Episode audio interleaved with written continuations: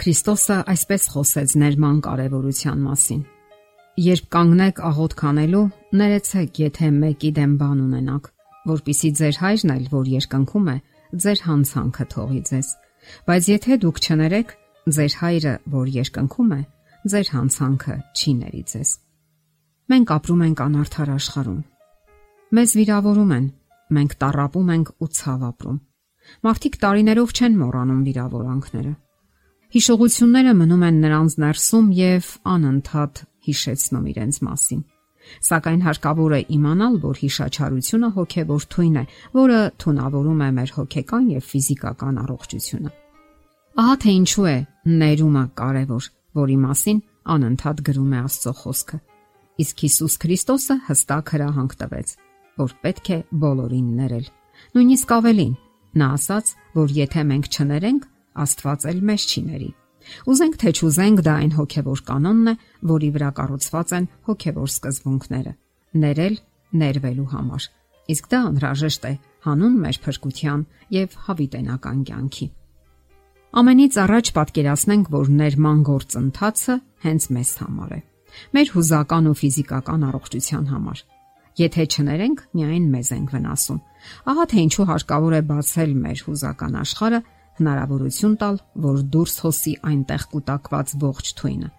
Արդյունքում մենք խաղաղություն ձեռք կբերենք։ Երբ մենք ներում ենք, մեր հուզական աշխարհը վերականգնվում է եւ թեթևություն ենք զգում։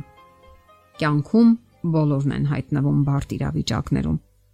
Բոլորին էլ նեղացնում կամ վիրավորում են, հաճախ էլ անարթարացի։ Սակայն հենց այդ դեպքերի համար է հարկավոր ունենալ ներման հոգի։ Եթե մեզ չնեղացնեն, ներման կարիք էլ չի լինի։ Հարկավոր է ներել բոլորին, որքան էլ որ դա դժվար է, եւ մեզ թվա, թե չենք կարող, որովհետեւ մեզ ծանր վիրավորանք են հասցրել։ Շատերն են նկատել, որ հուզական ապրումները իսկապես կարող են թունավորել մեր ողջ ներաշխարը եւ անասելի տարապանքներ պատճառել։ Շատերը հիշելով այս կամ այն վիրավորանքը, այս կամ այն մարդուն անգամ ֆիզիկական ցավ են զգում որովհետև չեն կարողանում ներել եւ այդ վիրավորանքը պահում են իրենց ներսում։ Հավանաբար լսել եք նման արտահայտություն։ Ես ատում եմ նրան, չեմ ցանկանում անունն անգամ լսել, հիշել նրա մասին։ Հիշենք, որ քրիստոնեությունը սիրո եւ ներման սկզբունք է։ Դուք պետք է գիտակցական եւ կամային որոշում կայացնեք, որ ներում եք այն անznավորությանը, ով վիրավորել է ձեզ։ Իսկ ինչպես հասկանալ, ներել եք թե ոչ։ Եթե դուք տեսնում եք այդ մարդուն եւ ներքին խռովք չեք զգում, ուրեմն ներել եք։ Իսկ եթե նրան տեսնելով դուք դարձյալ տհաճ ապրումներ եք ունենում, հուզվում եք, կորցնում եք ձեր խաղաղությունը, ուրեմն դեռևս հիմնախնդիր ունեք։ Ներման արվեստը Աստծո հետ փոխհարաբերության մեջ է։ Ամեն օր կարդալով Աստծո խոսքը եւ աղոթելով մարդն ապրում է խաղաղության մեջ։ Կարողանում է հասկանալ դիմացինին, նրա աշխարհը եւ գիտակցական որոշում ընդունել։ Ներում է, որովհետև հասկանում է, որ ինքն էլ սխալական անznավորություն է եւ արժանի է նույնպիսի ներման եւ ըմբռնողության։ Մեծահասակները երեխաներից սովորելու շատ բան ունեն։ Երեխաները ներման, ներողամտության եւ ոչ հիշաչարության դասեր են տալիս մեզ։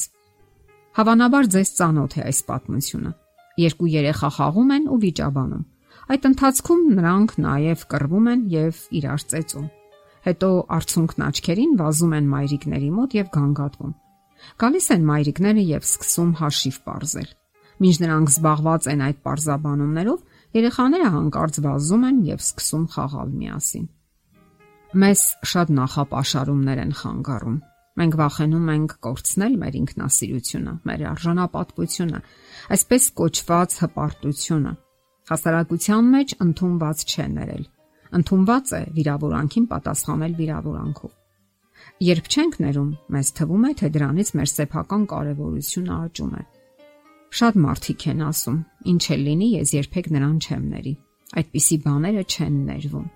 որովհետև մեր հպարտությունը դրանից խոցվում է եւ մեզ ամենուր սովորեցնում են չներելու, հպարտանալու արվեստը։ Հետո մենք ցանկանում ենք վրեժխնդիր լինել,